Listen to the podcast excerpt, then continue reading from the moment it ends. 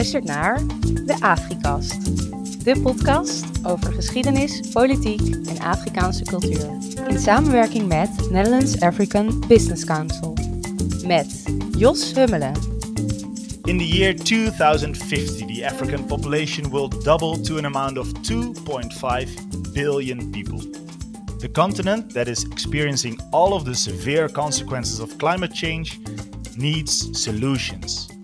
In today's episode, we will talk about great African initiatives that aim to save the world from more climate disasters. We are honored to do this in our fourth part series together with the Netherlands African Business Council. My name is Jos.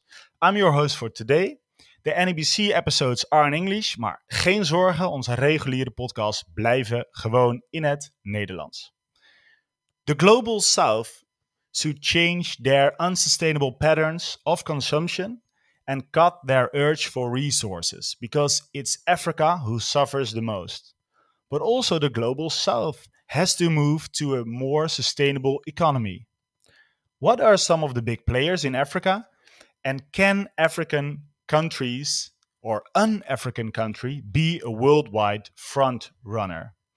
In search for answers, we are honored to have an incredible guest located in Kenya.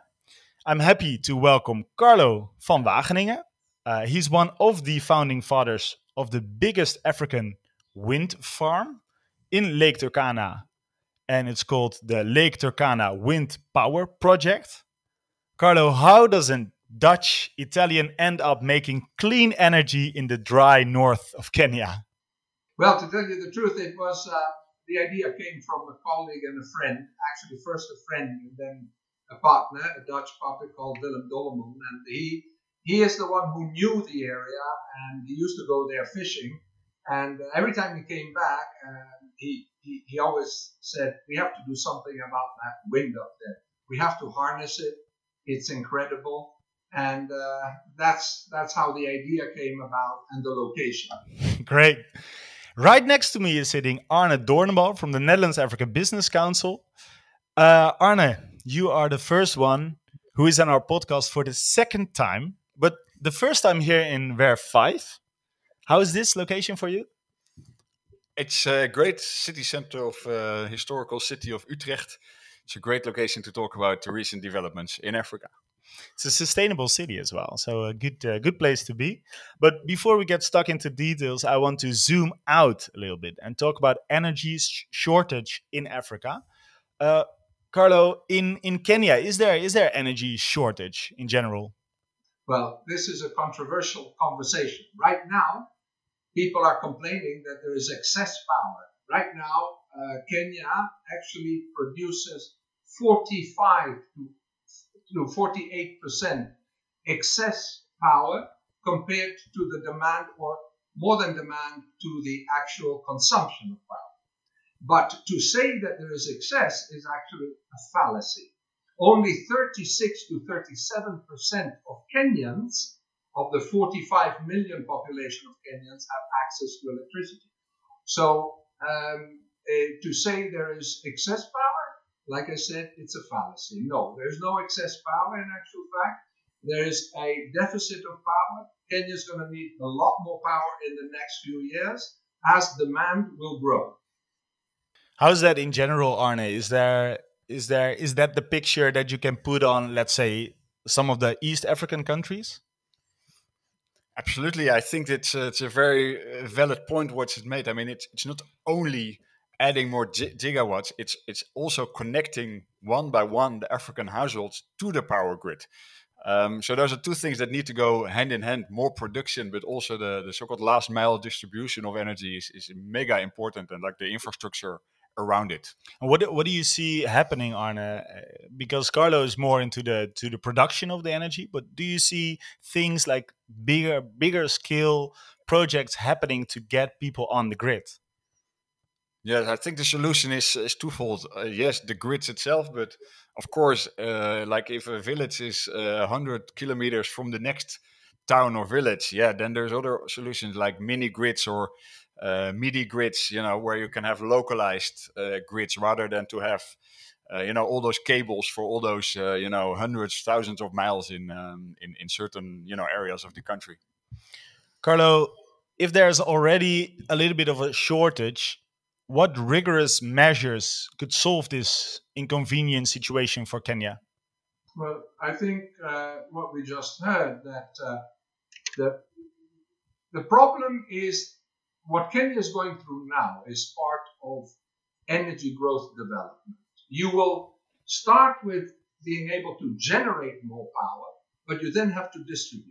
So there is a shortage of transmission infrastructure, and uh, the last mile is important. But you also have an incredible difference between the economy of urbanized areas and the economy of, uh, of um, rural areas.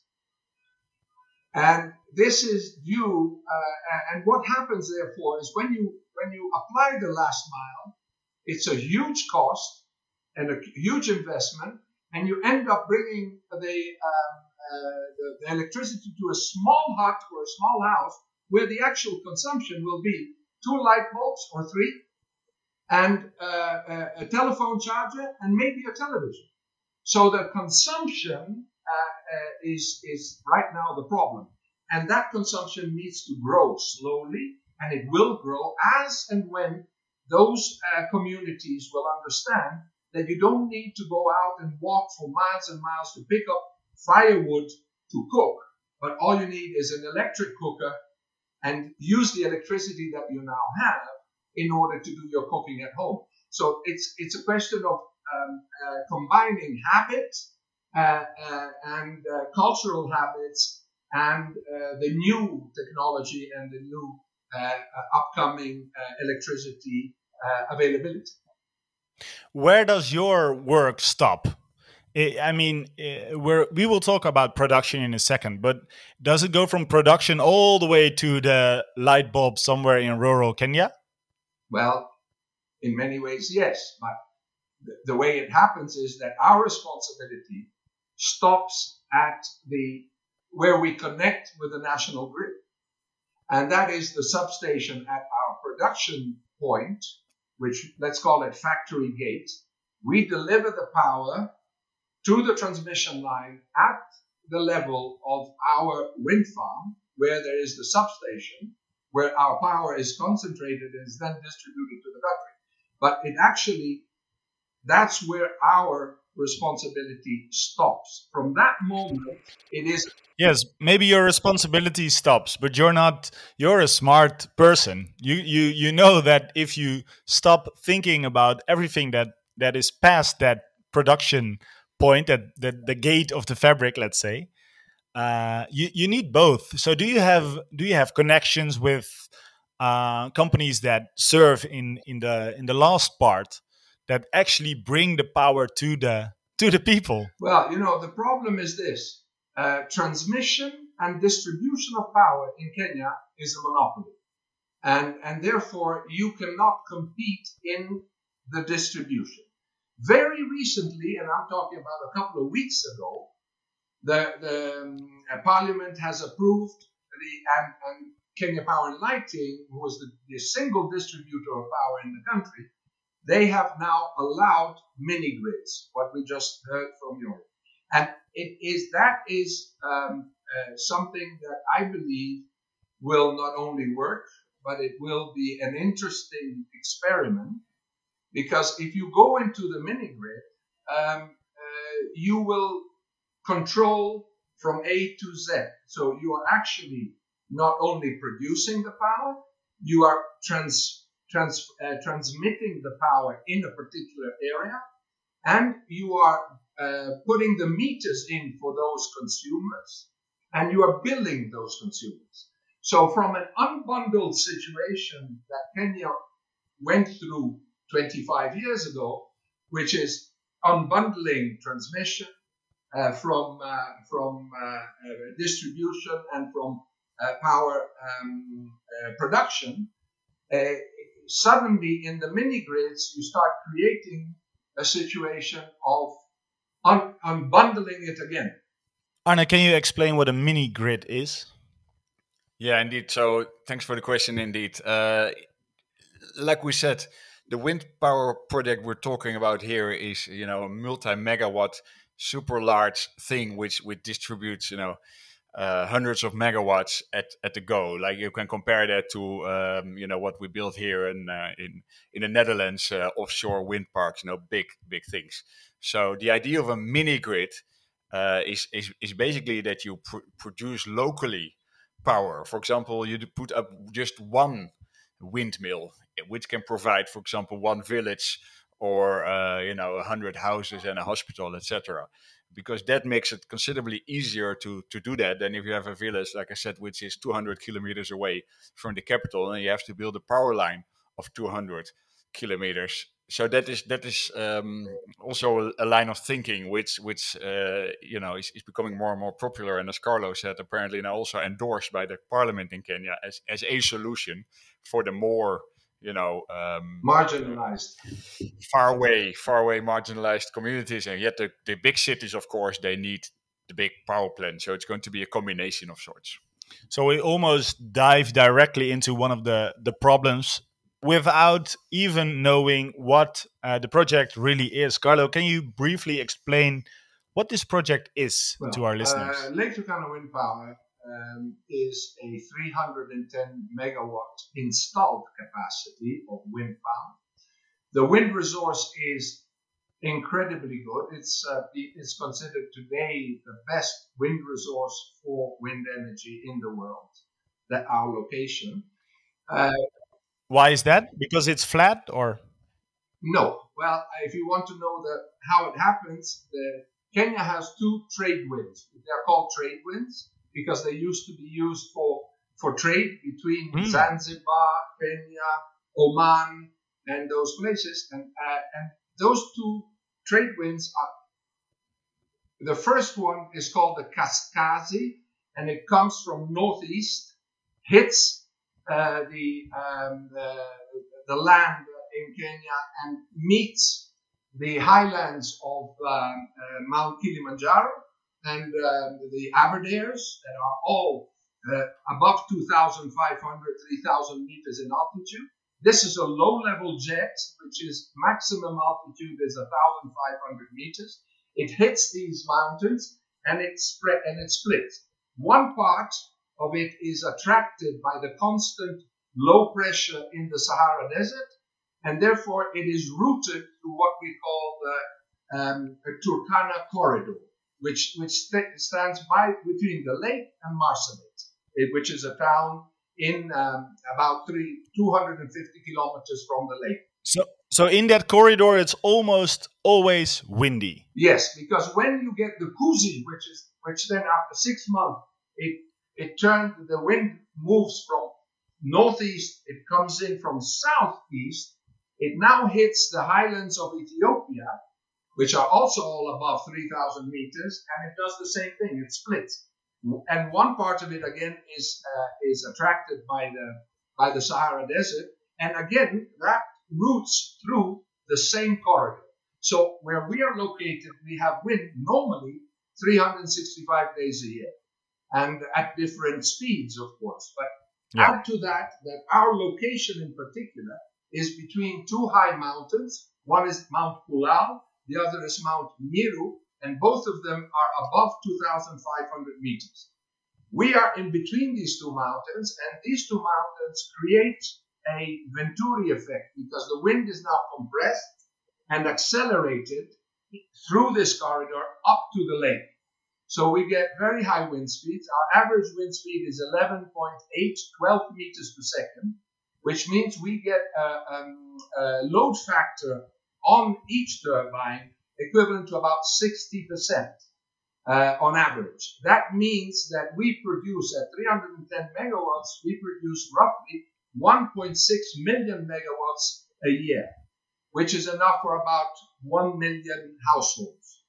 1 million households. Yeah. And we represent in Kenya right now at high peak, uh, during the high peak moment of consumption, uh, we represent about 17% of the total uh, quantity of energy that is being utilized, that is being consumed. And how many windmills are there now? 365, one for each day of the year.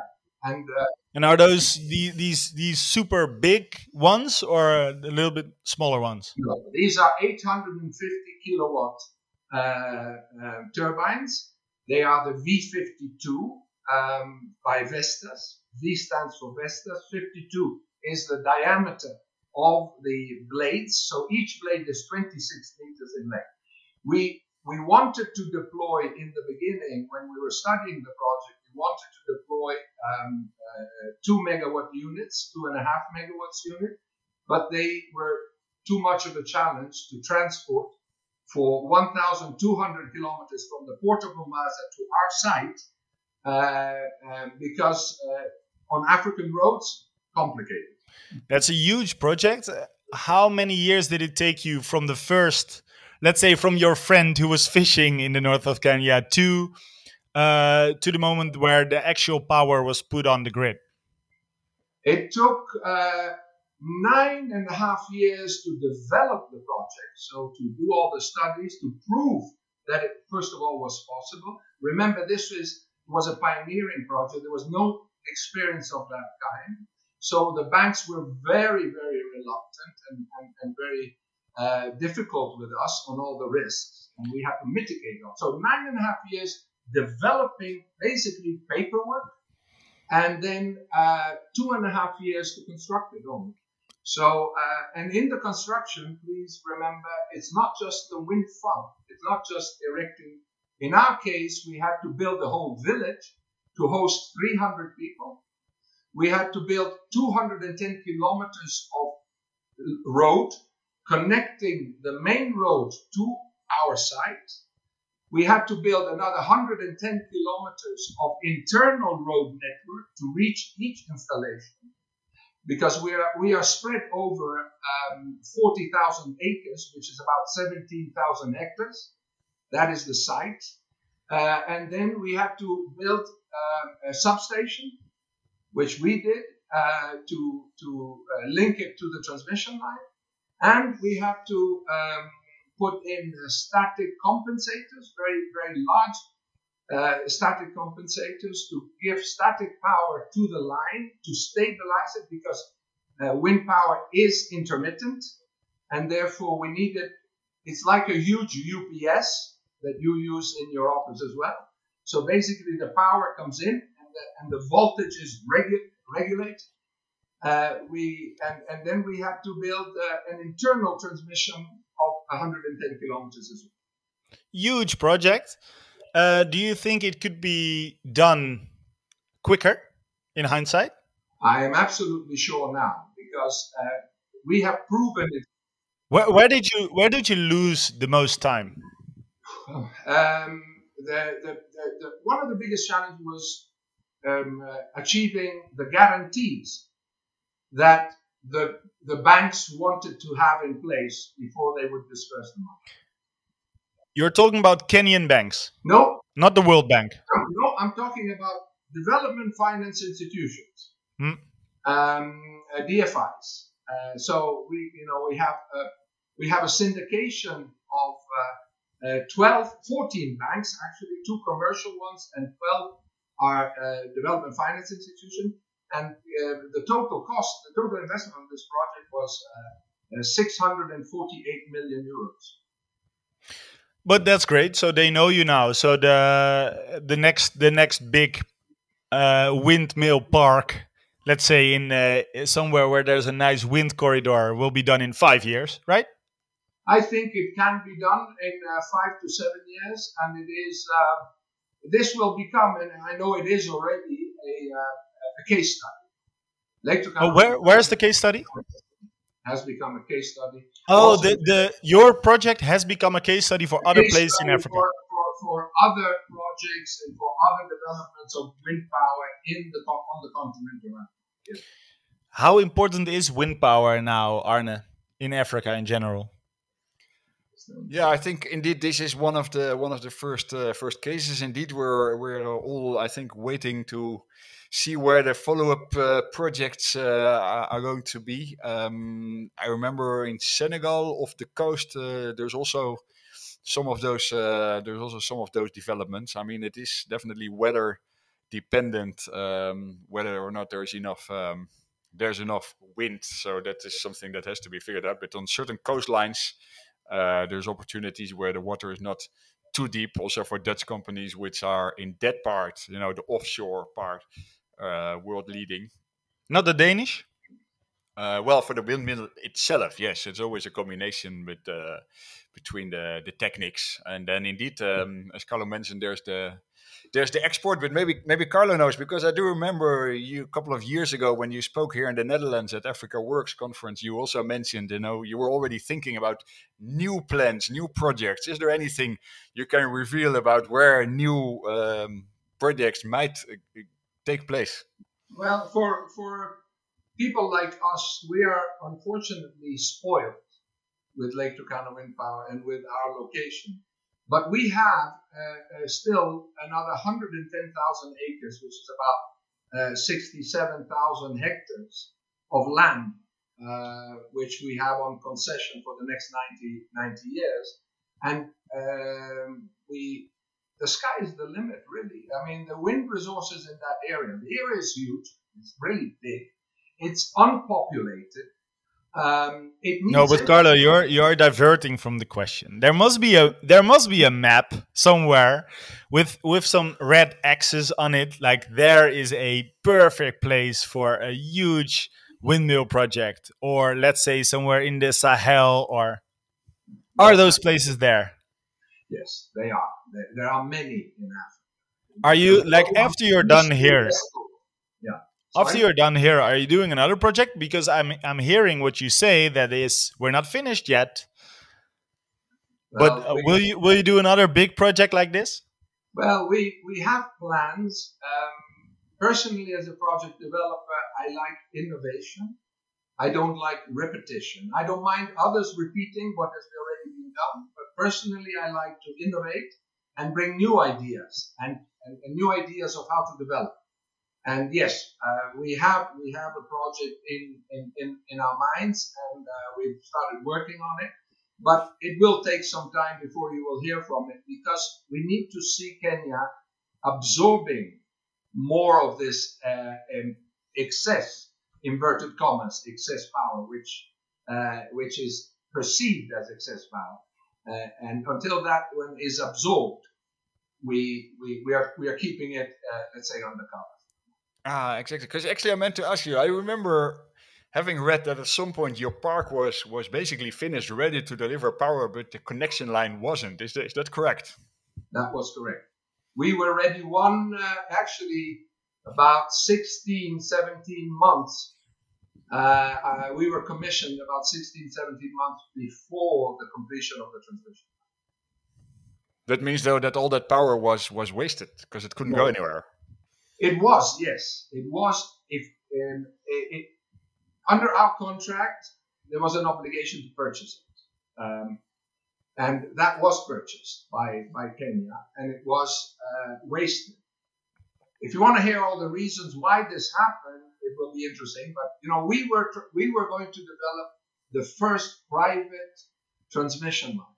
So that transmission line was designed, was identified, the routing and everything was done by Lake Turkana Wind Farm. And we actually went to tender with that transmission line ourselves as Lake Turkana Wind Farm. But and we had received a 25-year concession by the government of Kenya to construct the line under a BOOT contract: build, own, operate, and transfer. So after 25 years, we would have transferred the transmission line back to the government at one dollar at the cost of one dollar. But the um, uh, the problem happened that the government did not want to privatize the um, transmission sector, and what they said, we will give you the concession, but we have a put option. We can take it back at any time we have the money. They found the money and they took it back at the time of the tendering. And then things went wrong. uh, the project made Kenya the continental leader in wind energy. Um, do you do anything to help other African countries develop certain big scale wind farms? No, I was. Uh, we were approached uh, by a number, uh, two countries in particular in Africa, Namibia and Tanzania, to um, hold uh, uh, seminars to with a, with a national um, power players to teach them, or to more than teaching them, to explain uh, how to bring about a project of this size uh, uh, on the private sector. Main, you know, the big problem, the money is there. There's a lot of money for infrastructure for Africa. The problem is there are no projects. And the reason why there are no projects is because the development of a project like this uh, has to be done under um, uh, financings that are extremely complicated to reach bankability. The banks will not entertain you unless you have a bankable project. And project finance is extremely complex. It is complex. And there are not enough uh, people and experts on the continent that have sufficient experience in project finance. And that creates the gap.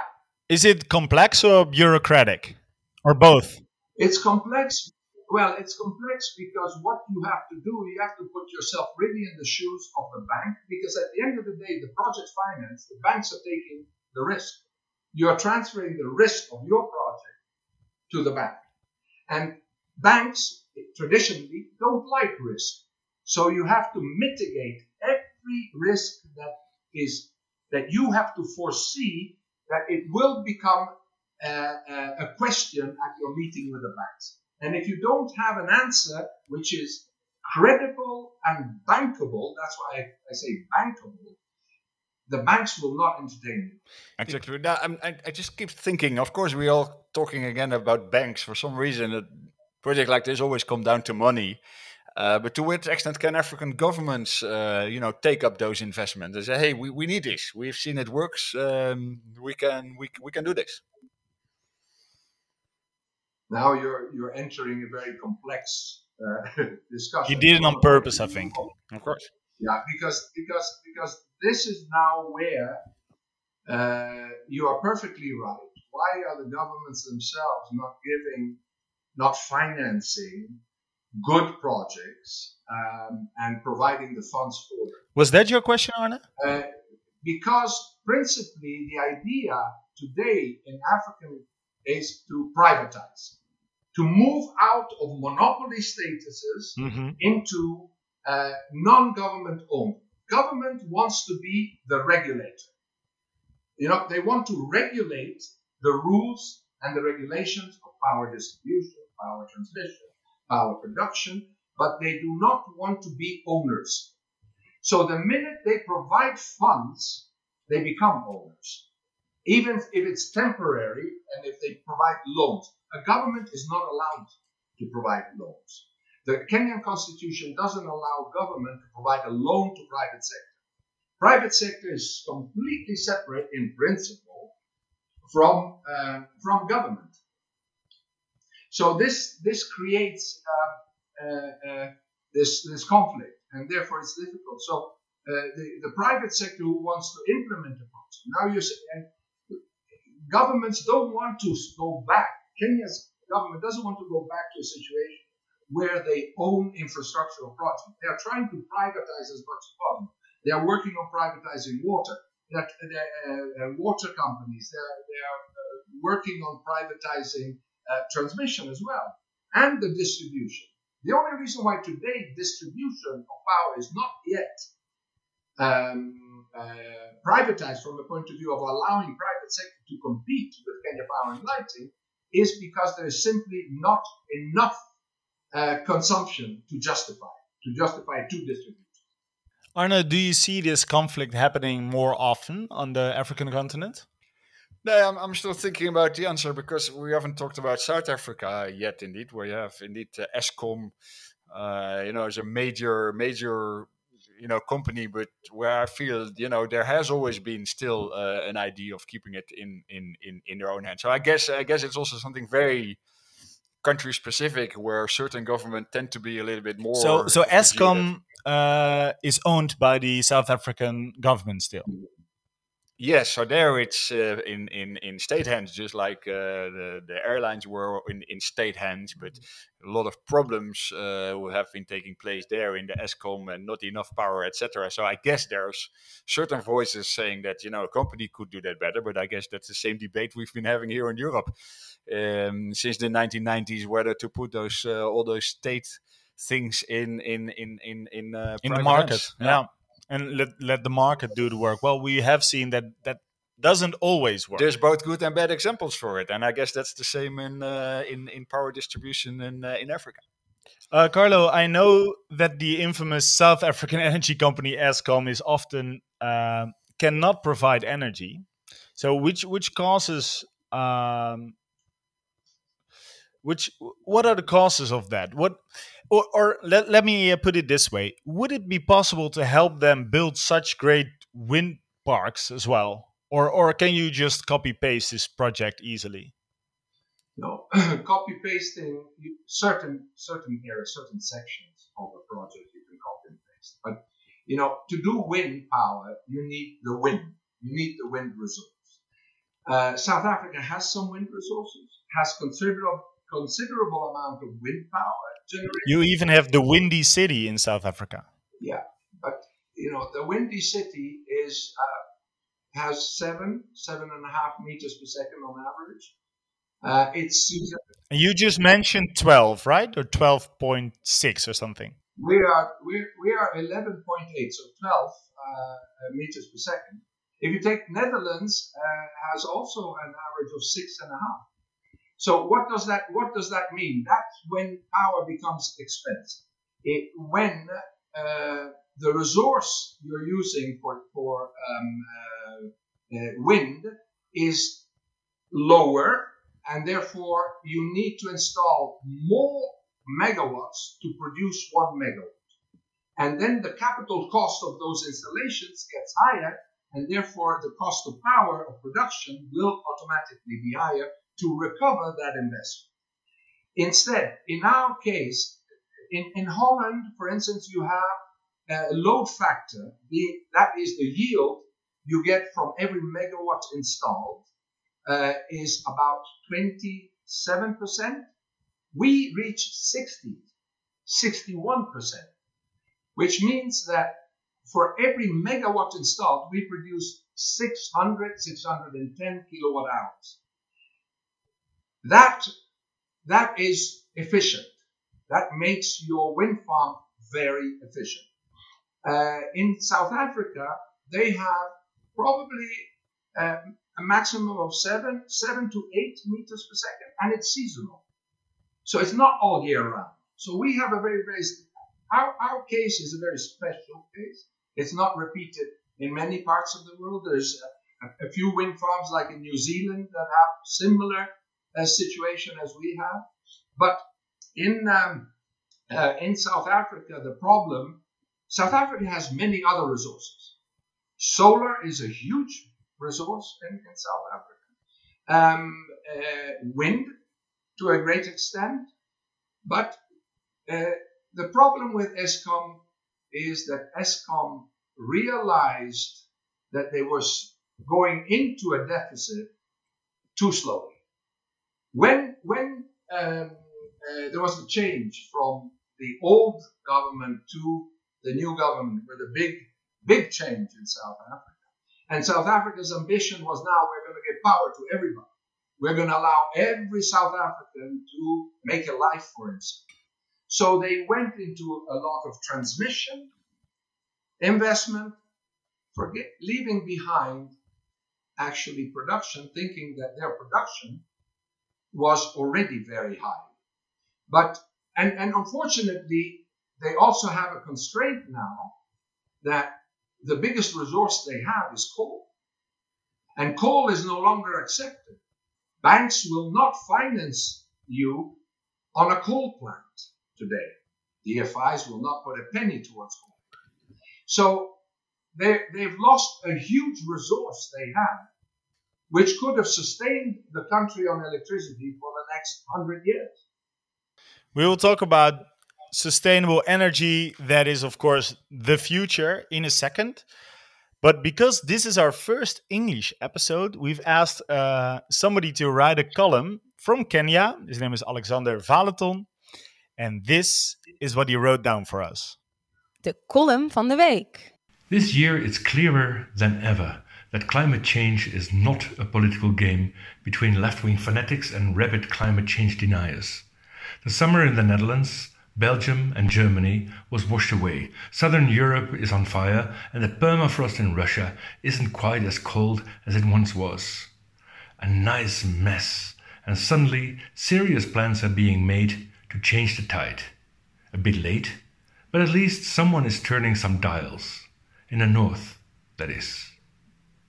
Here in the global south, there's not much ev- evidence of urgency. The desert is growing, but not as quickly as before.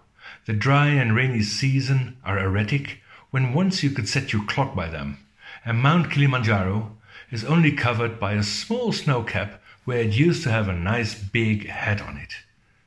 For us, northerners, it's quite clear that climate change is taking place here too. For the average African, the climate is just one of the many facets of life that you can't control. Of course, the average African doesn't exist. Still, climate change is not high on the political agenda, and actions being taken are not much about turning the dials to stop climate change, as they are about adapting behavior to the changing climate. For many in Africa, it's both senseless and impossible to feel responsible for the disasters taking place. If you aren't at the controls, how can you be partly uh, responsible? If you decide to remain an outsider, how can you be partly to blame? Government actions to curb the use of plastic is basically seen as unpractical. It's annoying not to have your groceries put in a plastic bag and old fashioned to see your fish rolled up in yesterday's paper, like we did two generations ago. Do we really need to go back there? To bring sustainable thinking into the market, it's essential to create financial incentives. If sustainable becomes cheaper than conventional, there is a chance that it will be embraced. But as long as it's more expensive, it will be a hard sell. Responsibility for the planet loses the battle against responsibility for the wallet. There are some innovative small companies trying to get a foothold importing electric cars and motorbikes or something. It's not really taking off because there's no infrastructure yet. People are afraid to get stuck in traffic without a charging point nearby. There are various initiatives, almost all with foreign, meaning northern, funding. Due to greater awareness in Europe, big funds are available. They're available for Africa too. And clever entrepreneurs are filling the void, preferably northern entrepreneurs. Good connections with money in the north ties with local decision, decision makers in the south, profound risk hedging, as well as a lot of persuasion power and endurance are essential. You don't have to be a big proponent of sustainability. If you can earn money from it, it's good business. Beautiful big projects are being realized. Some are successful and others are nipped in the bud. But as long as the risks are hedged, someone else will pick up the bill. It will be some time before sustainable thinking is embraced by the man and the woman in the street, and until then, there is a nice window of opportunity for clever entrepreneurs with European funding. Let's use this intermezzo to change our conversation to the future. We just kicked it off a little bit. Uh, you said something about uh, solar energy, Carlo, as well. It is often said that turning the Sahara Desert into a solar power plant would provide the entire Earth with energy. Is that a realistic project that we should pursue, or is it just some kind of a fairy tale? I think I think that project is actually happening. I think there's a lot of work going into that I think the biggest challenge is in having a power plant that will provide, I don't want to say the whole world because I think that's a little ambitious, but that it will, for, for instance, be able to provide a lot of power to Europe and a lot of power to Africa itself, and maybe up to India and things like that. The the biggest challenge, if you want to know, is not necessarily technical. It's not um, a question of uh, um, technologies to be used, uh, solar power, but mainly political. The biggest problem you will have is to integrate the regulatory aspects of all the countries that are going to receive this power. And the lobbies, of course, of those who produce power in those countries, whom will feel that you're pushing it out of the market, pushing them out of the market. So uh, the big, I think, the biggest problem that uh, a, a, single project to produce power for various countries becomes mainly political and, and regulatory. Arne, uh, Carlo already said that the, the project has started. Can you tell me more about what, what has started in the in the Sahara Desert?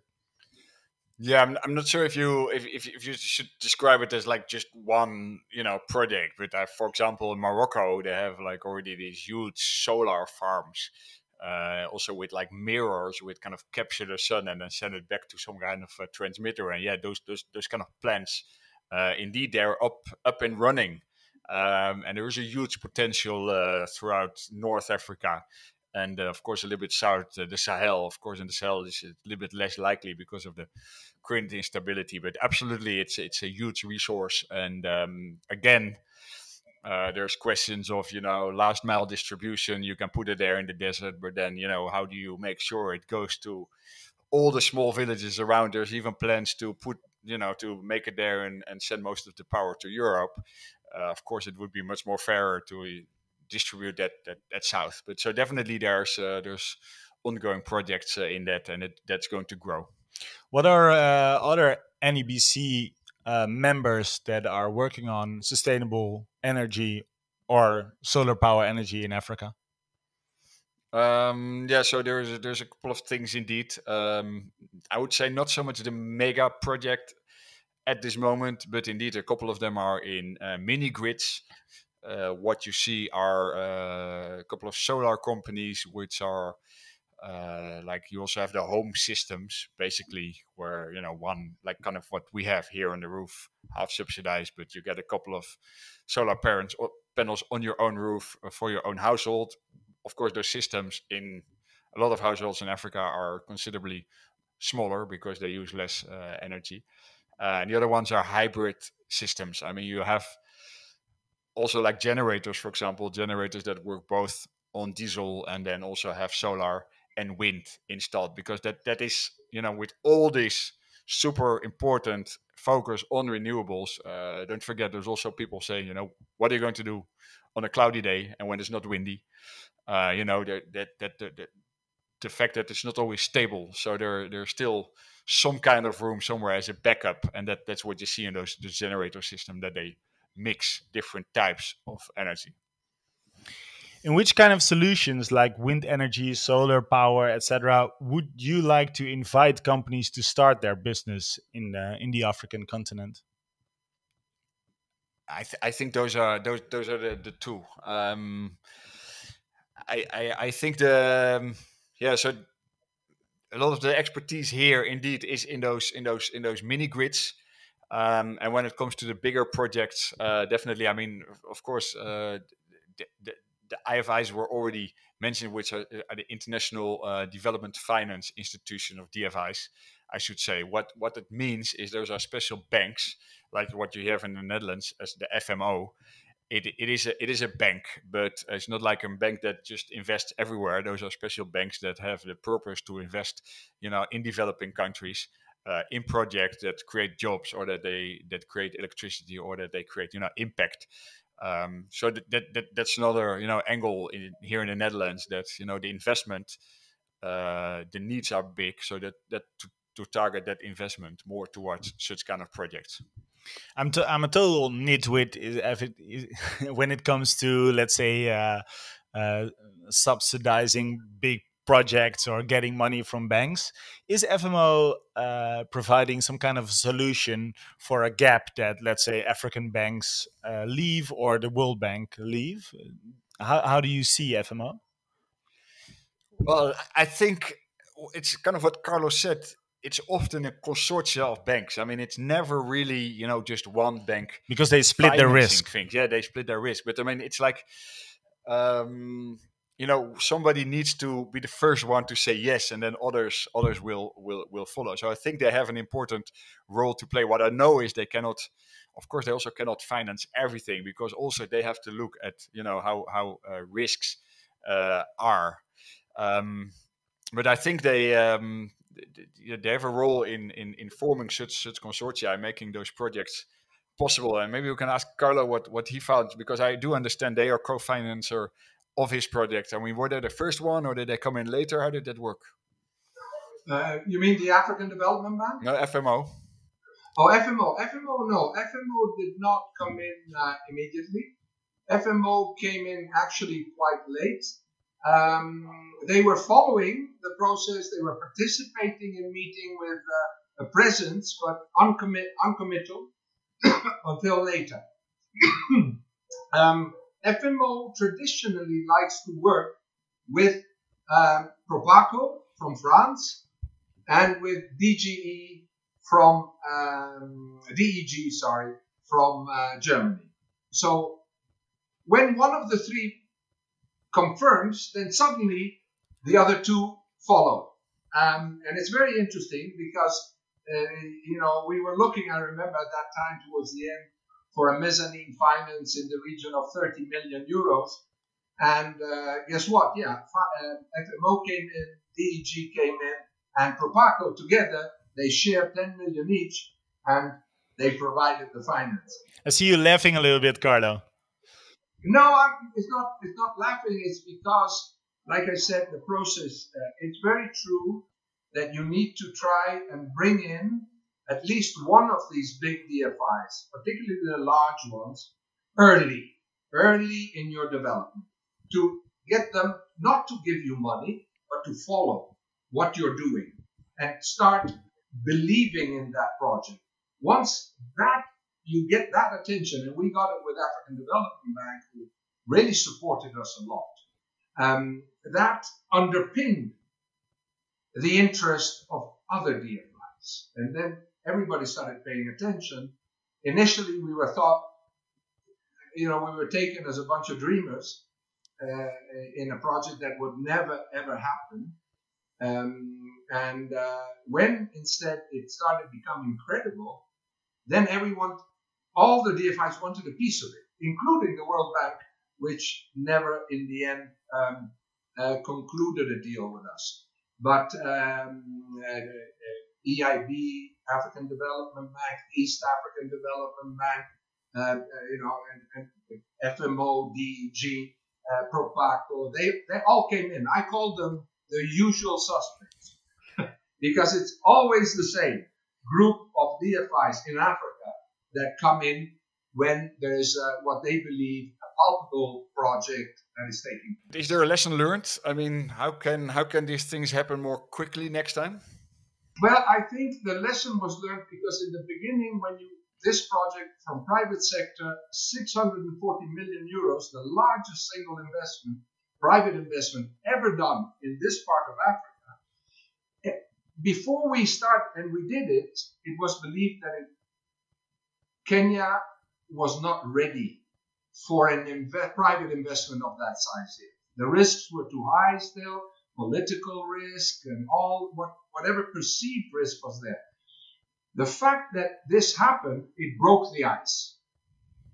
And if you look at the infrastructural development that Kenya is into now, after we did this big project, suddenly it, people realized, oh wow, then it's possible. Then we can think big for Africa. So, so do you do you think, Carlo, that this project is breaking the ice also for other sustainable energy projects in Kenya? Yes, definitely. It has done already. So you think Kenya will be an African front runner as it comes to sustainable energy? Definitely, yes. Uh, the resources for renewables and sustainable energy in Kenya are huge. Today, as we speak, Kenya is already 93% renewable. Um, and uh, they are aiming at being 100% by 2030, and I think they can really do it. That's impressive. Arne, what, what is another African country uh, being, an, let's say, a, a, good number two in 10 or 20 years? Well, I mean, it depends a bit how you look at it. But if you if you really look at potential, I mean, there's indeed there there's so much. There's if you, the sun. Uh, obviously, as was mentioned, uh, we've talked about wind, but don't forget there's also the hydropower, where a country like Uganda has built, you know, massive hydro dams in in River Nile, uh, a bit against the wishes of some environmentalists in, in Western countries who say, you know, don't do that. But totally understandable from their point of view because, like, energy constant energy, much more constant than with, with the other things. And, you know, for example, Congo, they have the potential to build hydro dams there at, at Inga, which can provide power to um, almost half of Africa. So there is, you know, still a lot more of this kind of, you know, massive infrastructural project. And, and it does need, you know, visionary entrepreneurs like Carlo who, you know, say and do that and convince the banks who are first conceived as dreamers, but eventually go and get the job done. Yeah, thank you so much, Carlo, for breaking the ice. but like, if I can just add one one small thing to what uh, what Jordi say was, was saying now, in in the in the space of energy today with the new technologies, you quite rightly mentioned the fact that you need sun, and what do you do when the, it clouds over? And but you must remember the accumulation of power, the accumulators for power, which is storing that technology is, is moving in leaps and bounds. Because today, if you look at Kenya, why, why is this excess being wasted for the moment? It shouldn't be wasted. It should be stored. And, and you should start thinking now in investing in the energy sector to be the balance and put up power banks to store this excess and then give it out again. And, and then thereby being able to make the, this intermittent power of solar and wind to become actually uh, base load power, like hydro, like uh, geothermal. Let it be a base. Let's hope one of the big entrepreneurs of the future is listening to this and and and going with your advice. Thank you so much. We have already come to an end of this episode about sustainability. You can listen to all our Dutch podcast on Spotify, but there will be more English podcasts as well. You can also go to our website, africast.nl. But if you want to know more about NABC, just go to nabc.nl. Thank you for listening to this episode. And of course, a special thanks to our guest from Nairobi, Carlo van Wageningen, from the Lake Turkana Wind Power Project. We're happy to record this special episode at Werf 5 in Utrecht. Also, thank you, Alexander Valeton from Media HQ, for your sharp column. And thank you, Arne Doornebal from NABC, for all the additions. Today's editing was in the hand of David van Tiel and Ruben Elands. We'll be back in two weeks with an episode in Dutch about some forgotten history about North African piracy. So, see you then.